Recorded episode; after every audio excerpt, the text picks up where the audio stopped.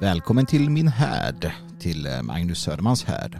Det här är avsnitt tre som eh, spelas in den 21 januari. Året är 2022.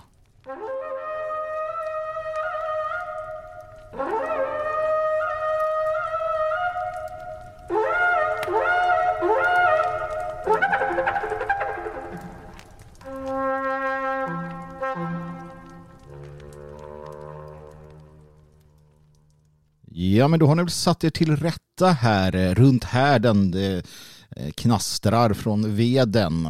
Härligt välkomna ska ni vara. Välkomna till avsnitt tre. Jag tror jag börjar känna mig lite varm i kläderna.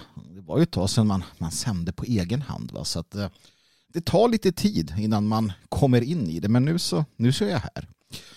Och du är som sagt välkommen och, och ni är många eh, som, som kommer hit. Många som samlas och lyssnar och det gör ju mig glad, värmer mitt hjärta. Och en, en glad nyhet jag har det är ju att jag har ordnat den här e-postadressen som jag pratade om. Om ni hade någonting ni ville bidra med eller om ni hade frågor. Det här med frågor är ju bra. Det gör ju att man fyller ut programmet på ett sätt som gör att ni får det ni vill ha också. Det vill säga, ställer ni frågor till mig så kan jag svara på dem. Ja, och det kan vara nog så viktigt så, så gör gärna det. Vad ni vill fråga om, bara kör så ska jag försöka göra så gott jag kan. Lite har man ju samlat på sig under åren så att eh, lite kanske jag kan eh, ja, dela med mig av också. Då måste ni ha en mail naturligtvis. Så jag hoppas ni har papper och penna framme för att såklart så tänkte jag mig inte riktigt för ja, när jag registrerade den. Det är en sån här Proton-mail förresten. Och det är bra för att eh, det, det handlar om säkerhet och sånt där. En mail ska ju vara enkel. Enkel att komma ihåg om man vill eh, så att säga. Att, att människor ska använda den. Det blev inte riktigt så. Härd är ju ett, eh, ett ord som innehåller ett ä. Och det vet jag inte riktigt om det alltid fungerar så bra i internetsammanhang som är internationellt.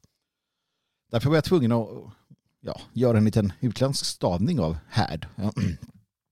Och med det menar jag att jag använder då istället för ä så använder jag A och E som är det internationellt sätt att, att skriva ä på. Med det sagt, papper och penna fram med så ska ni få e-postadressen. Magnus Härd at protonmail.com men Härd skriver ni H-A-E-R-D alltså Magnus H-A-E-R-D snabla protonmail.com Magnus Härd at protonmail.com Då skriver ni dit. Så skriver ni Hej Magnus, jag funderar på det här. Eller Hej Magnus, tack för att eh, du gör det du gör. Eh, om du nu vill det. Eller Hej Magnus, jag hatar dig och hoppas att du ska eh, förgås i plågor. Eller, eh, hej Magnus, här bifogar jag en eh, trudelutt jag har spelat in eller en dikt som jag läst in. Eller här är en dikt som jag har skrivit, kan du läsa den? Här är en bild på, ja, bild är lite svårt, men det kan jag förmedla på andra sätt och vis. Här den är ju till för att uh, samlas kring och egentligen så, det blir väl en monolog som sagt, men, men det är trevligt också med, med er hjälp. Så Magnus Härd, skriv till den. Magnus Härd, protonmail.com och ät är då ett A och ett E.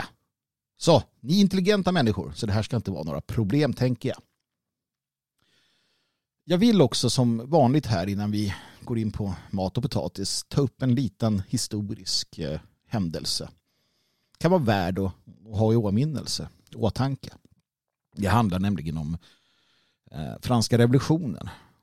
Den eh, 21 januari, alltså samma samma datum som den här härden spelas in. Fast året är då 1793 så avrättas solkungen av Versailles uh, utav, utav eh, de franska revolutionärerna. Alltså eh, de som, som så att säga störtade monarkin och införde ja, ett terrorvälde, ett skräckvälde utan dess like.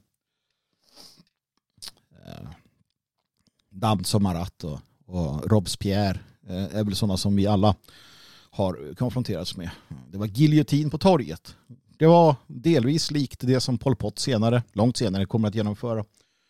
Intellektuella eh, människor som eh, på sätt och vis genom i kraft av sin, sin eh, intellektuella förmåga eh, var ett hot mot eh, de styrande, mot massan, blev avrättade. Det finns också uppgifter som, som inte kommer fram när du lär om det här i skolan att bland annat blonda och blåögda eh, blev så att säga utgallrade och avrättade framför allt. Och det här är alltså grunden till den moderna liberala demokratin. Det är så den föds. Och det erkänner de själva. Du kan eh, finna det lite varstans. Grunden till vår demokrati, frihet, jämlikhet, bröderskap, bla bla bla. Kommer från franska revolutionen. Kommer från den här blodiga början. Och det är värt att komma ihåg av flera skäl. Värt att komma ihåg av flera skäl. För att demokratierna säger sig då vara en sak, säger sig stå upp för en sak, säger sig uh, gå i bräschen för en sak. Men var kommer de ifrån? Hur kommer de fram? Jo, genom eh, denna terror Eh, kupp mot eh, jag har sett inbördeskrig i princip på olika sätt och vis.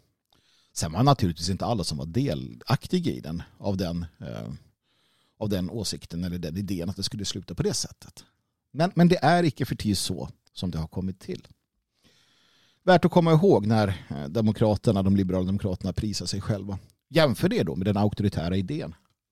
Som jag till del naturligtvis ja, förfäktar. Det är en naturlig idé. I ett naturligt tillstånd, om vi börjar från begynnelsen, så är den auktoritära idén. Det vill säga att, att du har en, en, ett, ett, ett ledarskap som i kraft av sin kunskap, i kraft av sin eh, framåtanda, i kraft av sin förmåga att eh, ge stammen det den behöver eh, så får den sin så att säga makt. Det är det naturliga. Det är inte något som kommer till, har kommit till genom eh, en blodig revolution. Sen har naturligtvis sedermera när åren går och årtusenden läggs till årtusende eh, sett annorlunda ut. Men icke att förglömma den auktoritära eh, världssynen eller synen på hur vi organiserar oss, den är ursprunglig, den är biologisk, den är glasklar. Medan den liberala demokratin så som den ser ut kommer från Eh, franska revolutionen och avhuggna huvuden. Solkungen av Versailles avrättas således denna dag den 21 januari år 1793. Med det sagt så ska vi prata lite grann om en dokumentär som eh, gick, eh, eller blev, blev så att säga, blev så att säga uh, jag vet inte hur man säger nu för tiden. Förr i världen så hade de premiär och den började sändas på tv men nu så lägger man ut den i ett sjok på någon betaltjänst på internet. Jag vet inte vad man säger. Men låt oss då säga det att den publicerades på Viaplay här om dagen. Men innan, innan vi går in på det så kommer här ett eh, viktigt meddelande till eh, fienden. Det kan vara din granne. Det kan vara han som kör dig till jobbet i taxin. Vi finns överallt. Ja, så kan det vara. Och det där är ju då inledningen på den här dokumentären omgiven av fiender som den heter. Skapad utav eh, samma man som gav er Estonia dokumentären som blev så uppmärksammad för en tid sedan.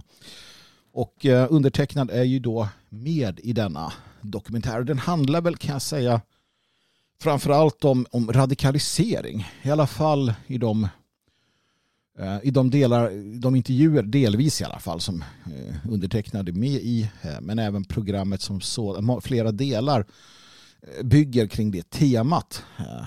Man, man tar med, och det kan ju vara lite besvärande kan man ju tycka, tokpellar som den där bränden Tarrant i Australien och Breivik, mycket, mycket Breivik, en, en knäppjök utan utan dess like som jag menar inte har eh, lyckats med, med mycket vettigt eh, utifrån vårt sätt att se på saker och ting i alla fall utan snarare tvärtom.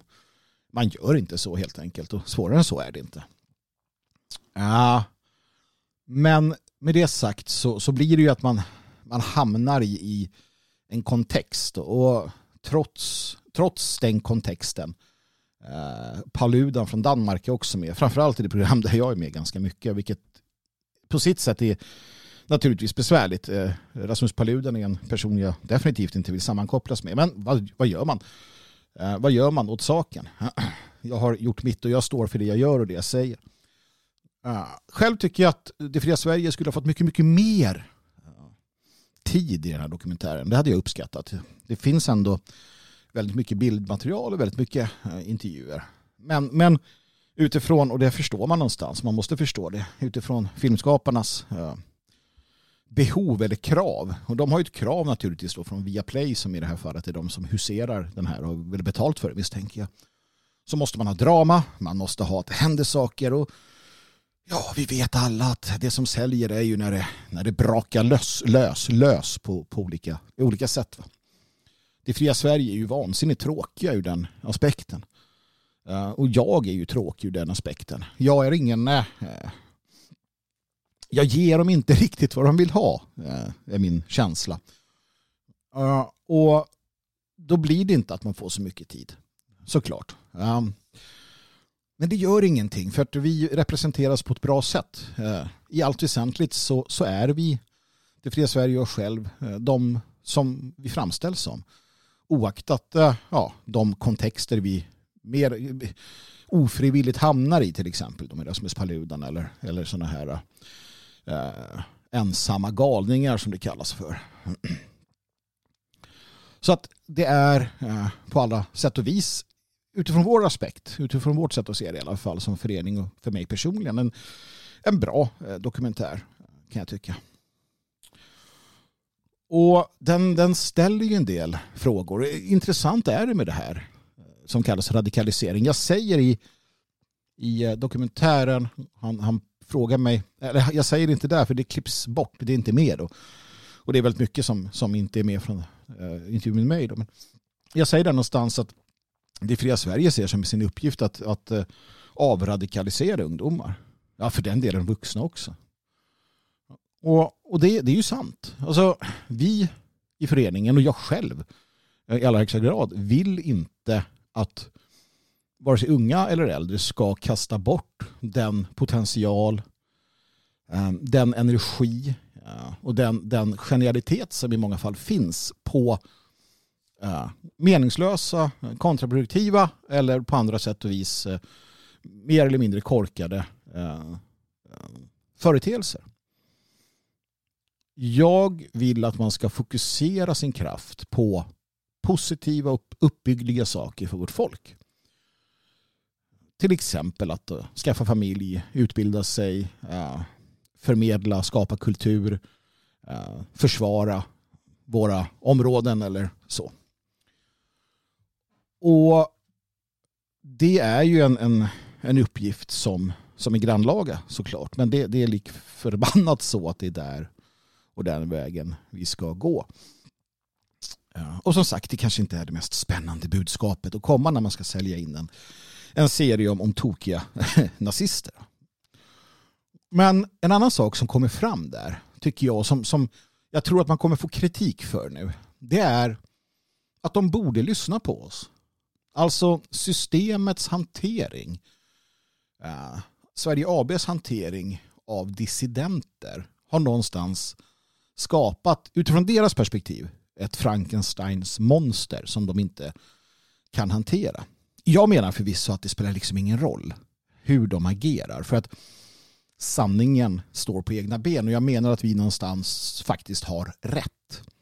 Vi har sanningen som nationalister vi är.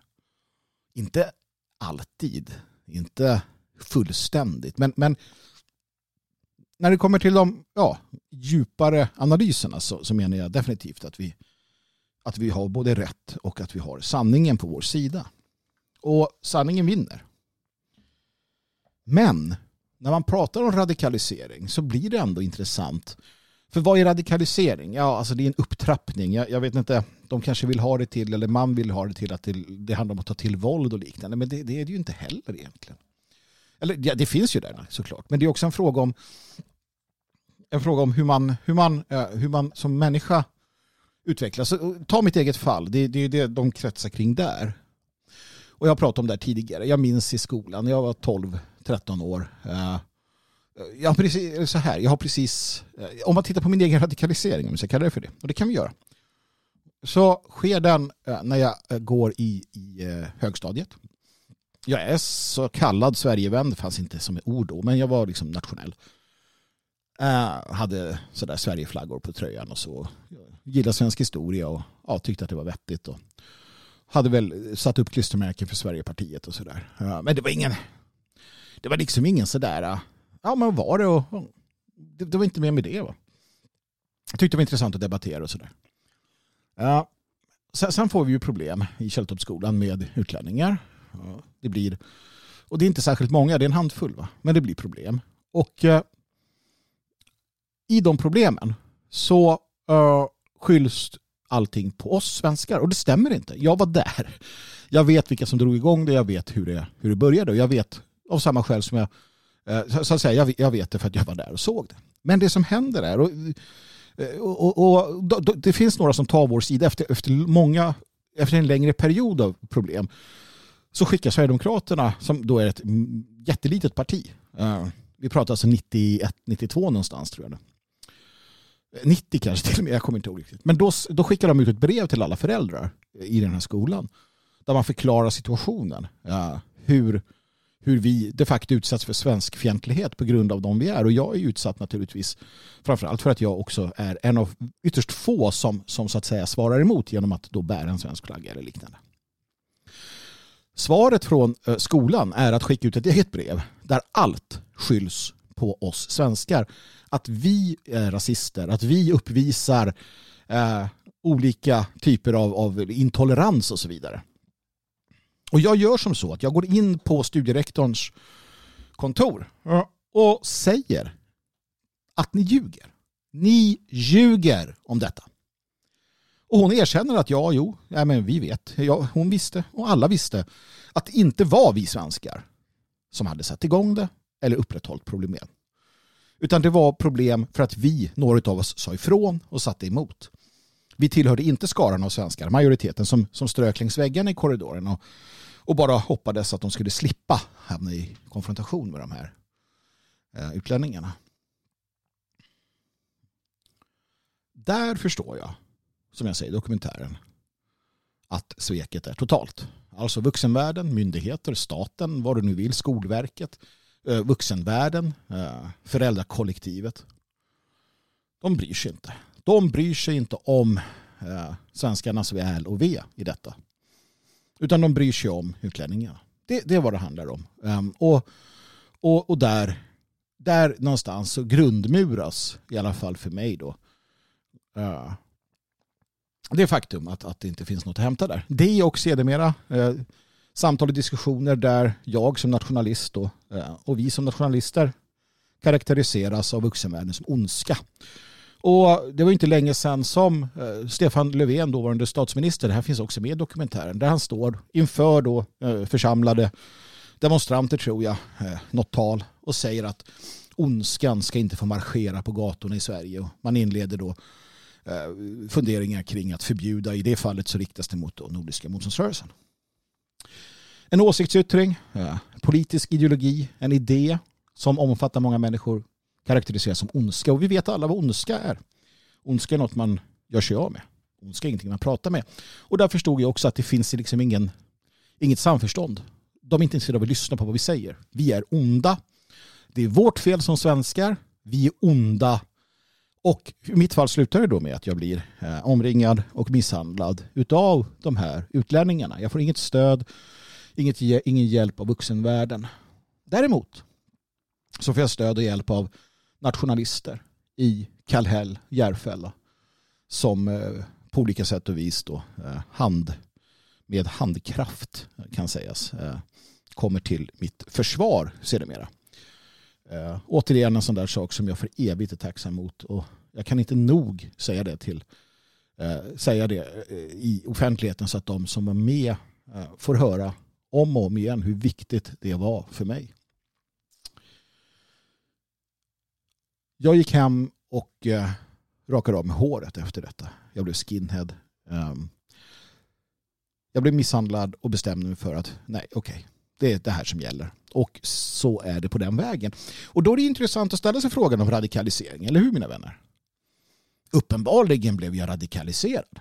Varför? Ja, behandlar man oss på det sättet de gjorde då och gör idag så får vi till sist inga alternativ kvar. För alternativet att lägga oss ner och så att säga dö eller hålla käften, nej det duger inte.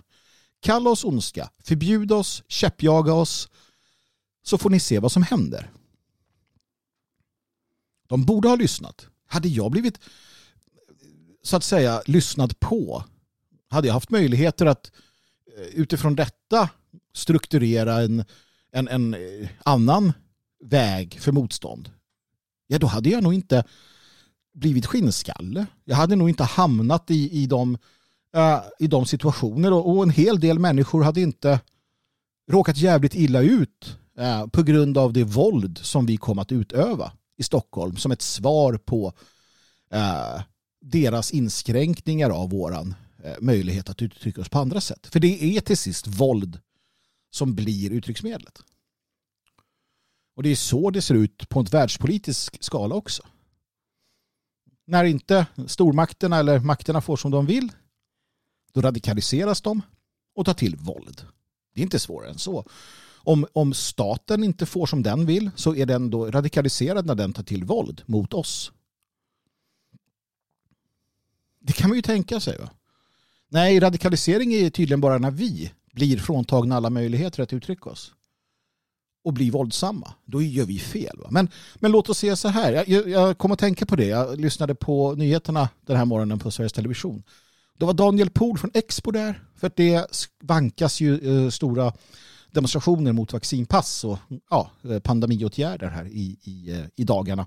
I helgen, den 22, närmare bestämt. Och det är Daniel Pohl där. Och han, han, då, han säger att det är farligt, eh, farligt med de här frihetsrörelsen och liknande för att ja, de här som demonstrerar så de radikaliseras. De radikaliseras och vi vet att bland de här, säger han, så finns det människor som kan ta till våld vad det lider. Och säkert sant. Va? Säkert sant. Jag är rätt säker på att i vissa länder som Österrike så kommer det, om de fortsätter med tvångsvaccinationer, tas till grovt våld från somliga. Men anklagelsen är således att vi i det här fallet och de som är emot pandemiåtgärderna, vi radikaliseras och blir farliga och det finns risk för våld. Okej, låt oss då titta på det här på ett, ett nyktert och sanningsenligt sätt. Låt oss ta Australien. Nej, låt oss ta Österrike. Staten inför en ny lag som säger att varje medborgare över vad det nu är år måste vaccineras. Okej? Okay? Med hot om våld. För att i slutänden så är det våldsutövning som en stat vilar på. Och det gäller den svenska staten också. Det är våldsutövningen som är fundamentet för statens möjlighet att eh, regera.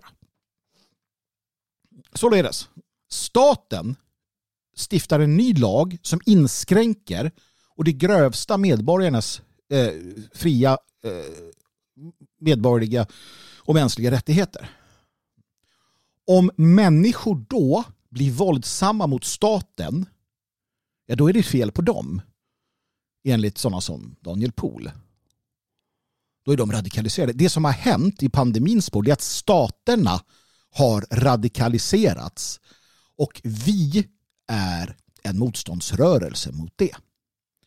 Det är inte vi som har skapat ett eh, begynnande apartheidsystem med ovaccinerade och vaccinerade, vaccinerade som, som, eh, som, som behandlas olika. Det är inte vi som har gjort det. Det är staten med hot om våld. Med hot om våld. Och hur kan jag säga det? Jo, för att om du inte visar vaccinpasset när du ska in på bion utan du vägrar och fortsätter att försöka ta dig in så kan man då ringa polisen som kommer och om du inte lyder polisen så kommer de slå dig och slår du tillbaka eh, och det blir allvarligt nog så kan de skjuta dig till döds. Så är det. Alltså, med hot om våld så har staten påtvingat oss restriktioner som bryter mot våra mänskliga rättigheter. Vilka är det som har radikaliserats då? Staten har radikaliserats. Staten har trappat upp det. Staten har visat vad de går för. Och alla som upprätthåller den staten och som applåderar denna stat blir då i någon form av matrix-logik en potentiell fiende, överlöpare, medlöpare, infiltratör eller angivare. Och det är inte vi som har gjort det. Det är inte vi som har skapat det. Så ju hårdare restriktioner, ju mer de skruvar åt tumskruvarna, ja men det är klart, desto mer kommer vi var tvungna att ställa oss i motvärn.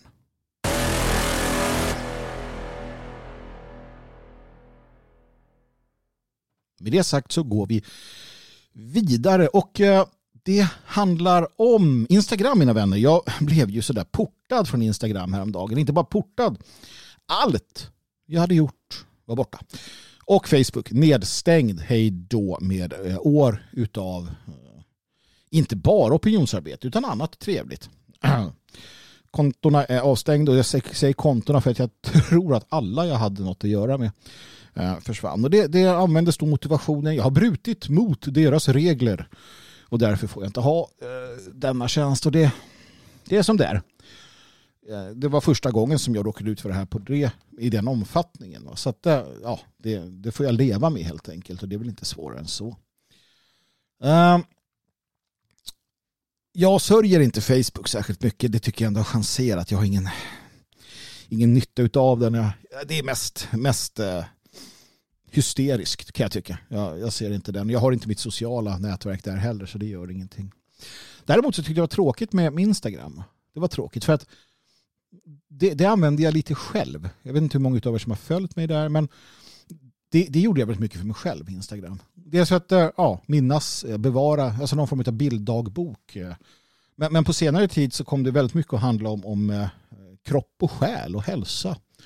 Och jag, jag har liksom kunnat motivera mig själv genom att dela med mig av, av förändringar i mitt liv och, och hur det har eh, accelererat mot, mot bättre livsföring. Va? Det är någonting som jag blev varse när jag såg mig själv i den där dokumentären. Herregud i himlen. Man satt där pösig och, och, och tjock och såg inte alls särskilt välmående ut. Ja. Och det var i samband med det där också som jag fick väldigt tråkiga besked utav utav läkaren ja, när jag var på en sån där kontroll. Det var blodtryck och det var risk för diabetes och sådär. När man har misskött sig själv i många, många år eh, så, så kommer kroppen ta stryk. Misskött sig rent hälsomässigt i, i form av för lite motion, fel träning, för dålig mat, rökning, nikotin och så vidare. Men också stress. Stress, stress, stress. Uh, och den tillskriver jag det, det politiska arbetet uh, i, allt, i allt väsentligt som, som ställer höga krav på en. Och jag, jag har helt klart under flera årtionden uh, jag är 44 då, så säg under två årtionden så har jag aktivt arbetat för att eh, dra bort år från mitt liv. Och till sist så, så eh, sa kroppen ifrån och det blev ganska tydligt att det här var på väg åt helt fel håll och med risk då för att ta bort på tok för många år från livet. Och så kan man inte göra. Det har man inte rätt till. Så jag tog itu med det. Jag kom äntligen så att säga igång ja, efter många gångers försök. Och, ja, så att säga tog en helt ny inne, inblick i detta. Tog en helt ny, ett helt nytt avstamp. Utan istället för att bara så här, nu ska jag gå på gymmet och lyfta som har varit min melodi tidigare så, så sökte jag mig till yoga, till meditation, till eh, en, en, en livsfilosofi, en, en helt annan, ett helt annat tänkesätt. Som har att göra med både med kost och, och träning och ja, det mentala och hela den biten. Och den finns där, har funnits där hela tiden. Jag har varit så att säga kognitivt medveten om den. Men jag har aldrig tagit itu med den. Och den resan uh, som jag så att säga påbörjade där har jag då delat med mig av på Instagram. Um, I början för att uh, sätta press på mig själv. Att så här, nu, nu ska jag köra på här och, och, och jag gör det inför de som följer mig. För att, för att liksom någonstans, ja, då, måste jag, då måste jag fortsätta. Men det slutade med att det kom att, kom att bli som så att väldigt många eh, uppskattade det rätt mycket. Eh, och uppskattade det jag gjorde och kände sig inspirerad av det. Och då blev det till att nu ska jag, nu ska jag inte bara liksom ta hand om mig själv utan jag ska förmå andra att göra det också. För det unika, eller unika, jag vet inte. Men om man tittar till vår sfär så ser vi ju många som, som talar om hälsa och och, och, träning och liknande. Och några av dem är mina absolut närmaste vänner som jag har eh, stort förtroende och hyser, hyser djup kärlek till. De är det de så att säga eh, förespråkar. Vältränade, hälsosamma eh, och, och, och liksom eh, förebilder. Definitiva förebilder. Så vad ska jag in här och göra?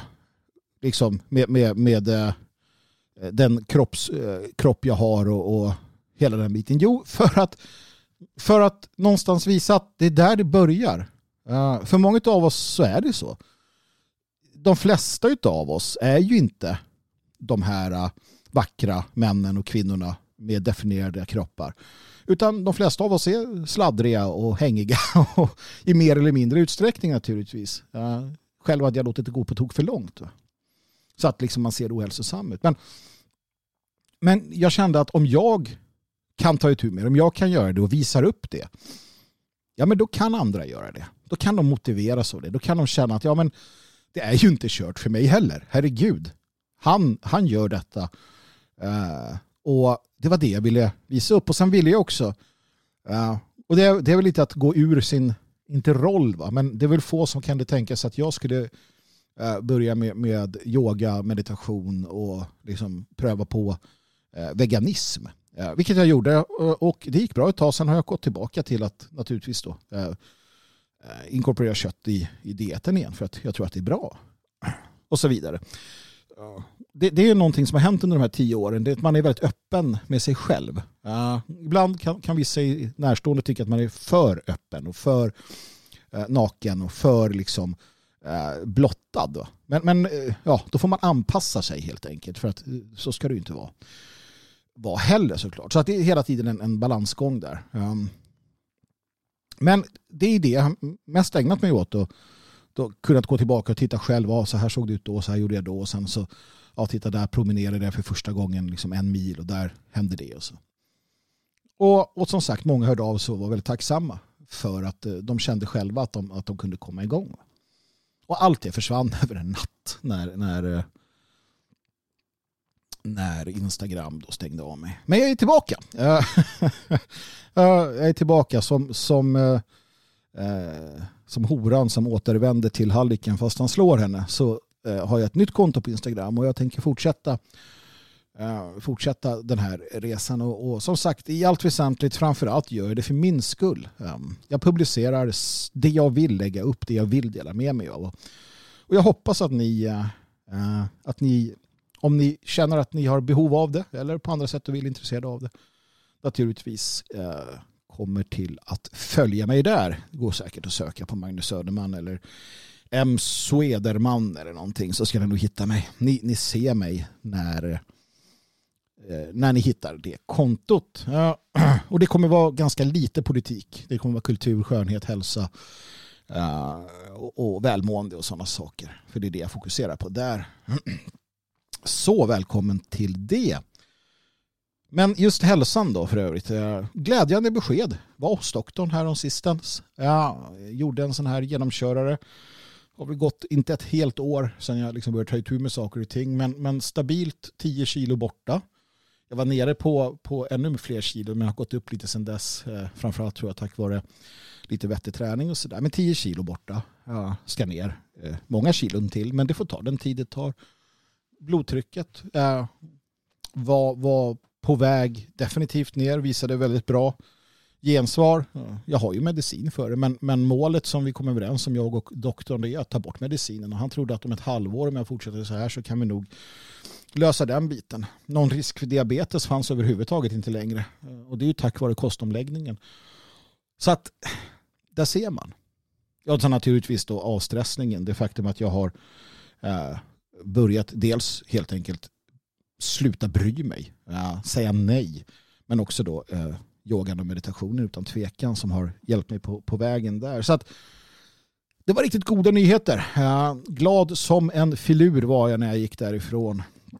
Så att eh, det, det, det, är alltid, det är alltid härligt att få, eh, få så att säga ett betyg att det man har gjort fungerar. Så nu tänker jag fortsätta och nu vet jag att det fungerar. Nu kan jag på ett helt annat sätt också säga det.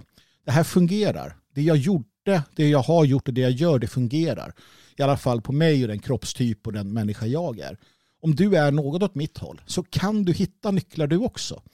Och det är det jag vill. Jag vill att vi ska leva länge du och jag ska leva länge för att kunna vara en nagel i ögat på systemet och för att kunna fortsätta bygga upp en, en, eh, en, en, en bra framtid för våra, våra barn helt enkelt. Så att hälsan först, helt klart. Vi fortsätter på, det, eh, på den vägen eh, framledes.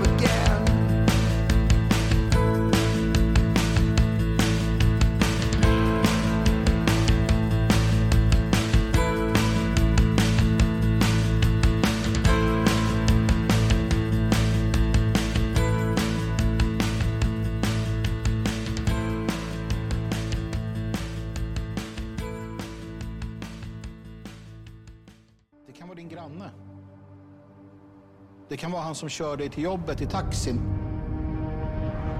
Vi finns överallt.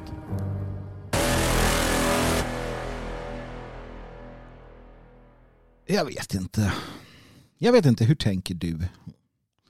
Jag eh, tänker att den dagen då man så att säga, då kistan förs ner i jorden, eller i mitt fall när den eh, hastiga snabba alkemin har gjort sitt och kroppen har förvandlats till, till aska och oh, den sprids ut eller vad det nu blir av det hela. När det sker, när den dagen kommer, när, när jag har tagit mitt sista andetag, när, när jag har överflyttats, min, min, min överflyttning till vad det nu blir. Um, när det händer så vill jag att, som Eddan säger, domen över död man eller den som ett gott eftermäle har vunnit, att det ska vara ett gott eftermäle. Att det ska vara så att mina nära och kära blir väldigt ledsna. Um, inte ledsna för, för saken i sig utan för att den här personen uh, som är jag uh, försvinner. Att man blir ledsen för att de tyckte om mig. För att de uppskattade mitt sällskap och för att jag hade gjort bra saker. För att det var en glädje att ha mig kring sig, inte ett, ett, ett elände. Jag vill också att de ska vara glada. De ska vara glada över att, att man fick den tiden tillsammans. Och jag vill att jag i alla fall under några år, någon generation, finns kvar i minnet. Jag tror att ett, ett bättre eftermäle än att, att vara saknad um, går inte att finna. Ett bättre avtryck går inte att göra för, för oss alla. Och därför förvånas jag över att det, det verkar finnas en avsaknad hos många av att göra avtryck. Den, den tid vi lever i är väldigt självcentrerad, väldigt sådär mig, mig, mig, jag, jag, jag. Och, och många jag talar med, min generation men också yngre och därtill äldre, vittnar om att, uh, att, att, människan, att människor inte, inte verkar bry sig på det sättet. Vare sig då ens släktingar i många fall eller andra. Det spelar ingen roll, jag är död ändå. Jag, jag tänkte på det när jag läste förut att nu för tiden så är det allt färre, eller allt fler begravningar som sker utan att någon är där. Barnen har inte tid att komma. Det, det finns liksom ingen tid över. Någonstans så, så, så handlar ju det också om människan som har försvunnit. Att den människan inte hade gjort ett så pass stort avtryck inte ens hos sina närmaste. Att de kände tvånget att få vara med för den ceremoni som är lika gammal som människan själv. Det vill säga avskedet. När vi, när vi så att säga säger ett sista farväl. I alla fall ett sista farväl rent fysiskt på något sätt. Det där gör mig lite grann vettskrämd. För att det, det betyder att någonting har hänt. Någonting händer med oss människor. Med mitt folk som inte är bra. Snarare tvärtom. Det är farligt. Och jag förstår det inte. När jag tänker på mitt eget liv och vad jag gör så vore det, det vore fel att säga att jag gör det för att bli ihågkommen. Uh, men det finns ju naturligtvis där. Det finns där som en som någon form av skugga hela tiden. Att jag tänker att de böcker jag har skrivit kommer ju finnas kvar i alla fall en tid efter efteråt. Och jag tänker ibland när jag då själv sitter, ja, efter att ha varit på antikvariatet och köpt mig en bok av någon sedan länge död författare så, så brukar jag tänka på den människan. Jag tänker på den författaren, jag tänker på de orden som skrevs och, och hur de påverkar. Jag läser bland annat en, en just nu en, en diktsamling, IQ-dikter från Japan. Um, väldigt gamla i många fall, alltså vi pratar hundratals år gamla. Och det är ett namn som dyker upp, någon människa som satt där borta på, på öarna och, och, och skrev det här. Och det tar jag del av idag. Och hur den människan än var beskaffad och funtad så är det fortfarande så att eftermälet finns där. Det är ett namn som, som kommer sig ihåg. Och, och, det är en sak. Det är en sak att, att så att säga få det eftermälet. Och det, det är på något sätt som att det skulle vara fel att vilja det. När det är centralt, titta då i den germanska, i den germanska eh, kulturen. Hur centralt är inte eftermälet? Och det är inte så konstigt för eftermälet du får påverkar ju eller har redan påverkat livet du levde och det samhälle du levde i. Titta på minnesstenarna efter gamla kämpar eller dödsrunorna över människor som har gjort avtryck. Där, där berättas det om deras liv. Någon kanske var en, en hövding, stor och stark och modig. Någon kanske eh, senare i tid var en diplomat av rang eller någon, någon gjorde någonting. Och de handlingarna som blev det eftermälet som sedermera minns och vi läser om, de påverkade ju människorna då. Kanske den vikingen som drog i österled och gav örnen föda påverkade barnen och ungdomen i sin by att själva sträva efter stordåd. Men när det här inte finns längre, när det dör bort, vad, vad har vi kvar då? Vad har vi kvar då? Vad motiverar då? Ja, ingenting. Förutom det klassiska då, jaget. Jag själv, mina eh, njutningar här och nu. Och det där som sagt oroar mig. Jag vet inte om du har sett den här filmen. Troja heter den tror jag med Brad Pitt som Achilles. Den är bra måste jag säga. Den är, den är vettig på många sätt och vis. Så där jag skulle ju kunna säga att du har läst de här böckerna istället, Homeros om Achilles. Men varför det? Sanningen är att de flesta av oss har inte läst dem. Jag har försökt. Jag... Nej, det är inte riktigt min kopp eh, te litteraturmässigt sett eller diktmässigt sett. Eh, Jalle Horn och Robin eh, har gjort på gamla nya stigar en fantastisk podd eh, som finns på, på svegot.se om de här eh, äventyren och så. Men det jag fastnar för det är hur öppet och ärligt man redovisar att Achilles vill bli känd. Han vill bli odödlig i det att han gör hjältemodiga och ibland kanske till och med dumdristiga saker.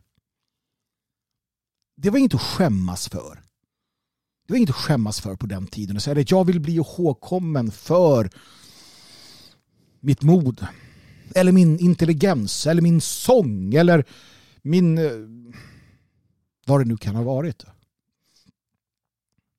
Och ett samhälle menar jag som strävar, där individerna strävar efter ett gott eftermäle. Det är ett samhälle som, som på alla sätt och vis har i alla fall en, en bättre möjlighet att blomstra. Att, eh, att fungera. Att avancera än, än de som inte, ett samhälle som, som inte gör det. I ett samhälle där alla tänker på sig själva Rent materialistiskt alltså. Inte sig själva i den mån att hur, hur ska jag bli ihågkommen utan de tänker på sig själva. Vad ska jag göra idag? Hur ska jag få njutning idag? Eh, hur ska mina sinnliga sinnen eh, kunna tillfredsställas sexuellt eller med, med vad jag stoppar i munnen eller eh, vad jag känner eller så.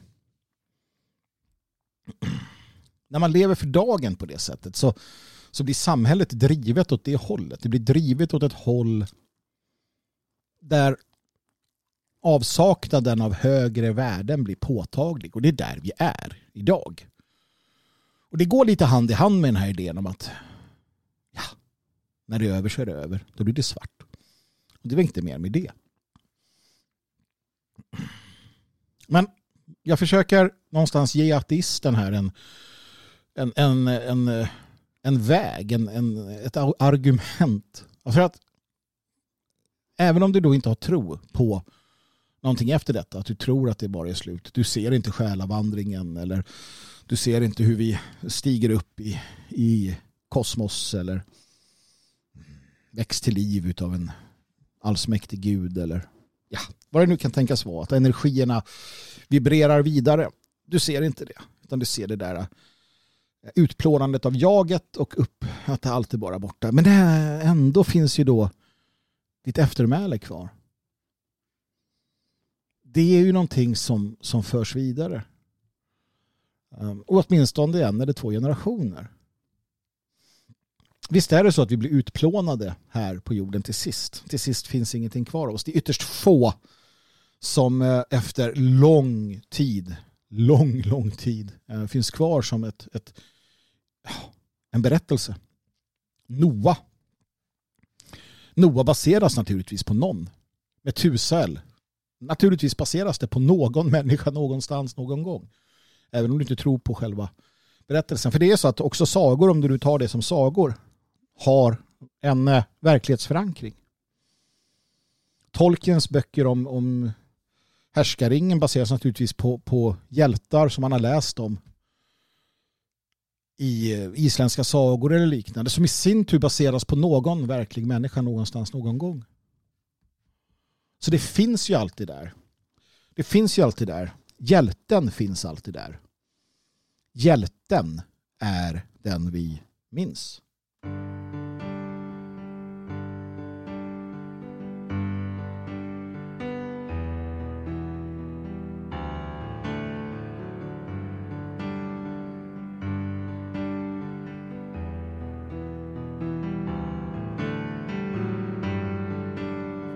En strimma av sol från den karga skyn genom snåra mörkaste moln över rostiga bänkar och fanande minnen som sover i den sörmländska dyn.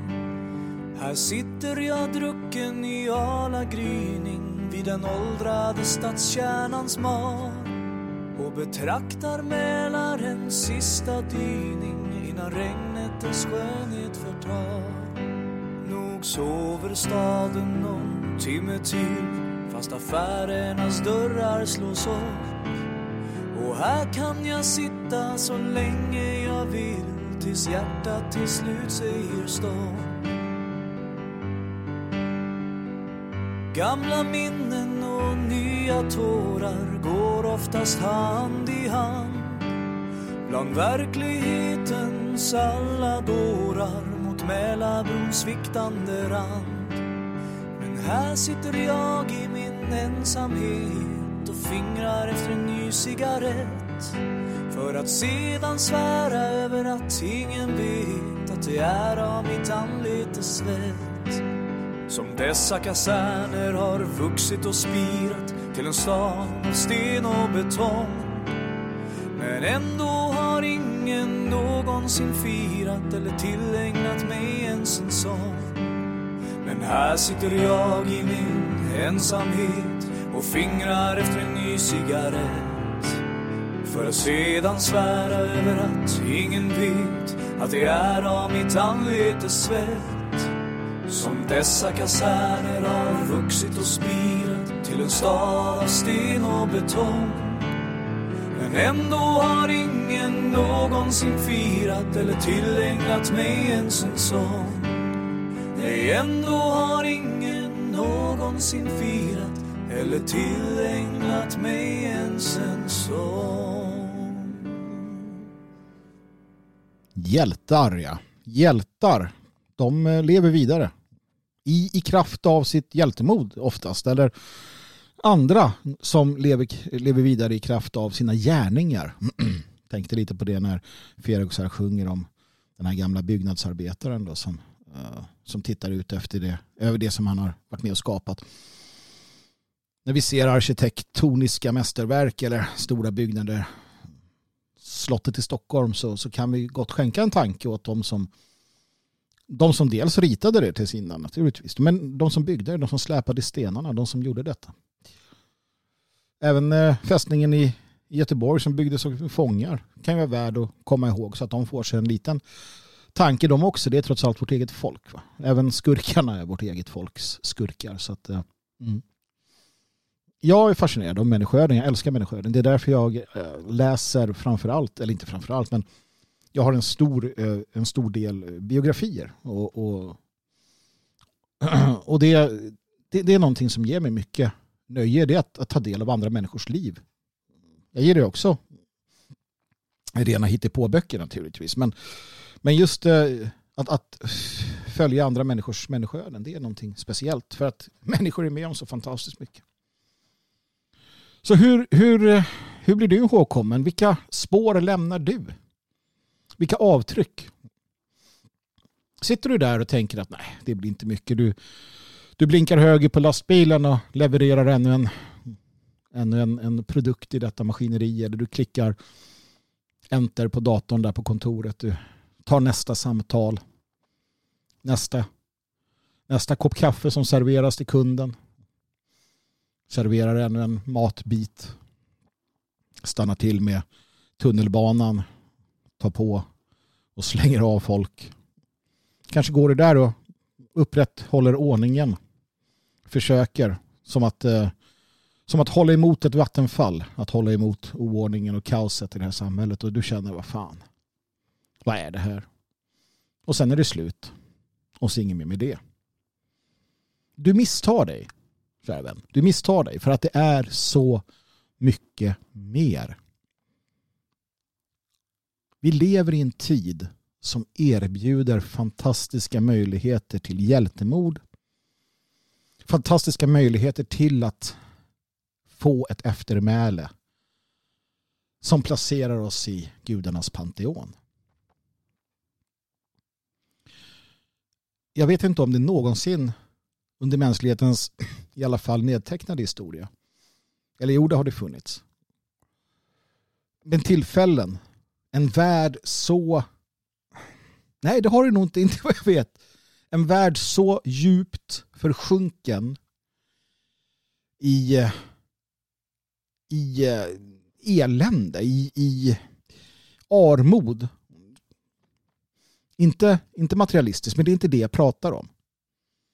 Utan den här den här uh, zeitgeisten, Sodom-zeitgeisten eller vad du kallar det för, som, som ger människan dig och mig sådana möjligheter till att kunna göra avtryck. Genom att säga nej. Genom att vägra. Genom att göra motstånd. Om så i det lilla. Att bli en förebild i det lilla. Men ack i det stora. Det är här också den här idén om att man måste lära sig att förstå att man å ena sidan är obetydlig i det stora hela men att man å andra sidan är högst betydlig. Jag brukar ta Napoleon som ett exempel. Att bli världens kejsare från att ha varit en enkel soldat. Ja, det är sånt som händer i den här världen. Och det kan hända dig. Om du vill. Och naturligtvis om stjärnorna står rätt i, i slutändan. Men alldeles oavsett så kan vi alla vinna eftermäle. Vi kan alla vinna ryktbarhet Genom att vara de som står på rätt sida i historien. Massinvandring, mångkultur, folkutbyte. Det är en innovation som pågår. Och står du på rätt sida där och hör dina röster så kommer du vara en av dem som tillhör det kollektivet i framtiden när man säger de stod upp, de gjorde någonting. De sa ifrån, de eh, investerade tid och pengar. De bar varandra. Eller så är du en av dem som bekämpar den eh, accelererande radikaliseringen av, av den förryckta staten i dessa pandemitider. Då tillhör du det gänget också. Du blir en människa i denna tidens ström av människor som säger ifrån. Och som därigenom vinner ett, ett, eh, ett, ett ett eftermäle värt namnet. Du blir en av dem som dina barn och barnbarn, mina barn och barnbarn i förlängningen när de om hundra år sitter ner runt bordet och tar sig en bit mat eller dricker en whisky eller vem vet, halvvägs på väg till Mars i ett eh, rymdskepp för att kolonisera. Jag vet inte, men som, som då pratar om oss. Som de som, som faktiskt försökte. Som de förfäderna som de själva känner att de ja, känner en eh, skuld till. Det är väl fel, för det vill jag inte att de ska göra. Men de känner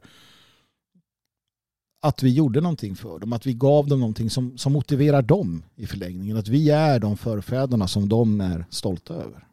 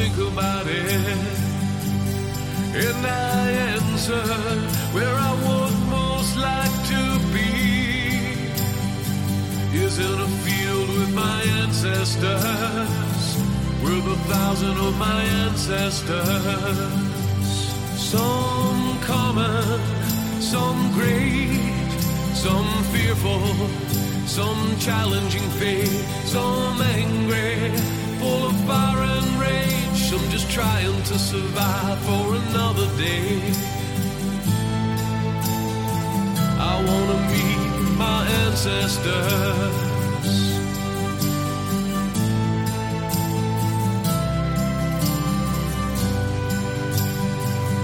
Some people say when you pass on to the other side. Waiting there to greet you is a congregation of the people that you loved in your life. So I thought about it, and it seems to be a righteous truth. They're waiting for me there too, would be my ancestor some wicked, some kind, some lost in a struggle to control the mind, some faithful, some proud, some determined to speak above the crowd. I wanna meet my ancestors.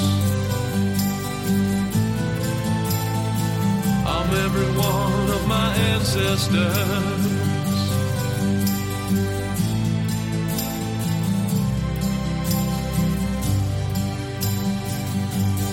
distant past before there was you and I in false paradigms we find those who came before us upon the same road revealing secrets the wisdom of our ancestors in honor in truth in shining ideals to inspire the youth. These values we find living in this place from another time. I wanna meet my ancestors, touch the feet of my ancestors.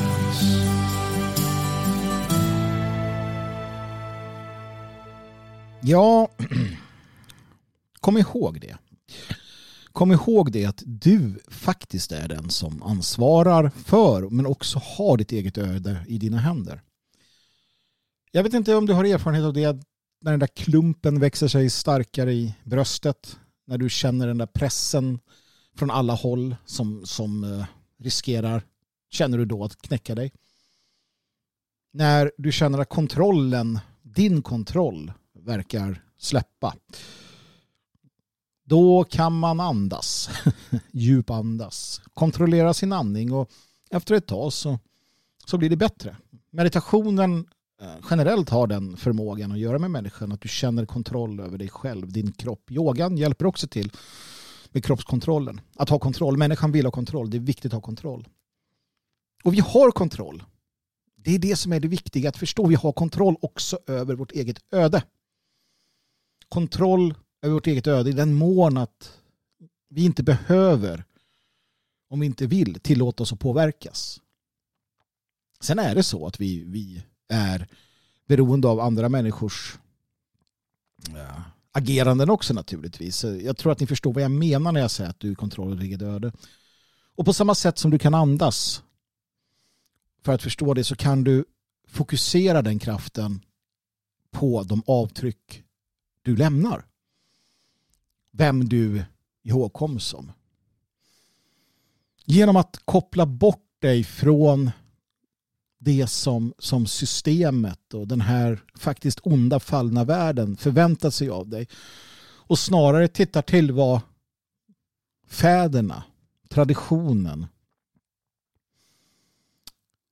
den gudomliga viljan, ja, vad du nu vill använda dig av för, för identifikation som markör, vad den kräver av dig.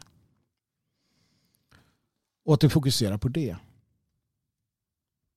Å ena sidan så lever vi i världen. Vi måste leva i världen. Vi måste, vi måste jobba och, och tjäna pengar så att vi kan ta hand om, eh, ha någonstans att bo och ha mat på bordet och allt vad det heter. Men, men du kan göra det bästa av den tiden också. Men därutöver så har du ju väldigt mycket möjlighet att, att avgöra hur du ser det mera gå vidare. Och det är inget fel. Det är inget fel. Det är det jag vill ha sagt. Det är inget fel att vilja efterlämna ett, ett rejält avtryck. Antingen som en del av ett kollektiv, som en del av till exempel det fria Sverige. Att man, att man bidrar och hjälper till för att se den här, det här alternativet växa. Eller i egen person genom ditt, din genialitet, vilken den må vara. Det kan vara idrott också. Det kan vara färdigheter du har, konst, verk eller förmågor. Det är inget fel i det, snarare tvärtom. Och att accelerera, att, att, att, att vara den bästa man kan vara som far. Att, att den dagen när man inte längre är här så tänker en son eller berättar ens dotter att eh, pappa han fanns där. Genom hela mitt liv, genom hela hans liv så fanns han där. Han gjorde sitt bästa, han misslyckades eh, ganska ofta. Men han fanns där och han, han, han gav mig stabilitet och grogrund och möjligheter. Och han, han lät mig falla, han fanns där och plockade upp och så vidare. Eller att frugan din säger samma sak. Det är eftermälen som, som man vill ha. Det är avtryck man har gjort och avtryck som man gör på människor. Tänk att bli ihågkommen som en verklig kamrat. Han var en kamrat. Han var en, en att luta sig mot. Naturligtvis så kommer våra later minnas också. Att man var si och så, att man gjorde det och det, att man hade den eller den eh, knepigheten.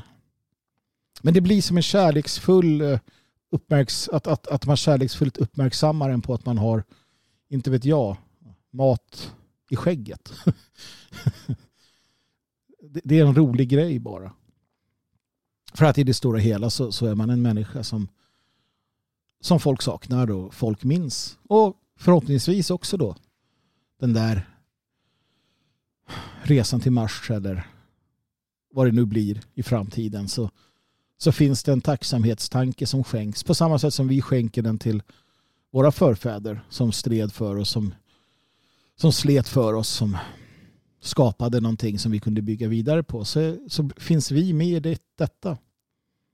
Och i min egen i min egen värld så, så tror jag att det finns någon, någon form av karma i det hela. En idé om att, att vi faktiskt har möjligheten, en gudagiven möjlighet att evolvera och att utveckla oss. Jag tror inte alls att det här är det enda. Det känns för slösaktigt för universum som annars är rimligt och logiskt på alla sätt och vis. Det känns slösaktigt att, att den, den samlade mänskliga erfarenheten och kunskapen bara skulle försvinna. Men det är min åsikt och min tanke och min känsla. Och min förhoppning naturligtvis. Men alldeles oavsett så finns det en, en känsla utav att jag i alla fall tänker göra vad jag kan här och nu för att eftermälet mitt ska vara gott. Jag vill att mina nära och kära ska vara ledsna men också glada naturligtvis. Som jag sa inledningsvis, jag vill att mina fiender ska jubla. Varför? Jo, för att mina fiender ska inse att äntligen har en av deras värsta fiender gått i graven. De ska minnas honom som det där var en svår fan att ha att göra med. Äntligen dog han. Vilken lättnad. Bara för att nästa generation som man har inspirerat blir etter värre. Ja, det är vad jag tänker. Det är vad jag hoppas. Det är de avtryck jag hoppas göra. Jag hoppas att du eh, motiveras och inspireras till att nyktert titta på detta. Fundera verkligen. Fundera verkligen och, och, och, ta ditt öde i dina egna händer. Det är ditt. Det är ditt att göra vad du vill med, precis som livet är ditt. Du kan slänga bort det också, om du känner för det. Men se möjligheten i den tid vi lever i. Jag menar fortfarande att du är här av en anledning. Det gäller bara att du hittar den anledningen. Jag kan inte berätta vilken det är, men jag tror att med tanke på att du lyssnar på mig och att du är en del av den här oppositionen, där någonstans så tror jag att du kan hitta svaret. Va? Där någonstans finns liksom eh, nyckeln till vad du ska göra. Den storhet som väntar dig. För jag tror att inom varje arisk man och kvinna så finns storheten. Den är präglad i oss. Eftersom vi tillhör den ras vi tillhör. Jag är helt säker på det. Om du hittar den så kommer du så att säga kunna förverkliga den. Men det är ditt val. Och jag hoppas på dig. Jag håller på dig, kära lyssnare. Jag håller verkligen på dig. Sist av allt, innan jag önskar en trevlig helg, så vill jag eh, tacka Mattias och Roger. Ni har eh, donerat och skrivit Magnus här. Och det tackar jag så hjärtligt för. Det betyder att eh, det betyder att man får lite sån där känsla av att ja, lite avtryck har man gjort, avtryck som har varit värt det här. Så att jättegärna gör så du också, att uppskattar du det här programmet, du lyssnar på det och tänker det här var ju bra. Ja men ge en liten donation då så att man, man märker det. Du kan göra det på swish 123 510 5762 och märk det då med härden. Glöm heller inte att mejla då på magnushärd.protonmail.com och härd skrivs då på det internationella sättet. Eh, AE, eh, härd, istället för eh, ät som inte fungerar. Utan AERD blir då härd. Eh, lite hemsidor att besöka. Jag försöker att på, på, påminna er om detta varje gång naturligtvis. Så och det tycker jag att ni ska göra då. Uh, det är min egen hemsida. Jag har inte skrivit något sen sist heller. Jag är för upptagen med annat just nu. Men jag har en del saker som ligger i mina tankar. Besök den åtminstone och skriv upp er, bli så kallade medlemmar eller vad det heter så kan ni få det i mail eh, varje gång det är något nytt som händer där. Svegot.se där ni hittar den här eh, podden bland annat och mycket annat naturligtvis. Vi har börjat skriva en del där också. Ehm, kommer bli mer av den varan Eftersom att nationalisten, då, tidskriften tyvärr, eh, var tvungen att stryka på foten av olika skäl. Svegot.se. Eh, vågar jag säga det? Ja, det är Sveriges i särklass bästa alternativa eller ja, media, mediasajt utan tvekan. Det fria Sverige.se föreningen du går med i för att få vara en del av att eh, göra ett eh, magnifikt avtryck på eftervärlden, det vill säga att vi skapar det fria Sverige ert samhälle ruttnar. Vi bygger ett nytt som sången går. Och logik.se där det finns böcker, böcker, böcker som inspirerar, motiverar, skrämmer, hetsar upp och eh, på alla sätt och vis är fantastiska för oss alla. Så att eh, där har du några, eh, några eh, hemsidor att besöka. Musiken presenteras tillsammans med Midgård Records, Midgård Shop. Där handlar du naturligtvis allting bra. Och Det är samma där, midgardshop.com. Och då är det AA. Istället för Midgård Shop så blir det midgardshop.com. Besök dem också. Mm. Icke att förglömma, mina vänner. Pränta in detta i era sinnen. Livets mening. Slåss med troll. Befria prinsessor. Döda varulvar det är att leva. Men sist men inte minst, god vänner, ge aldrig upp.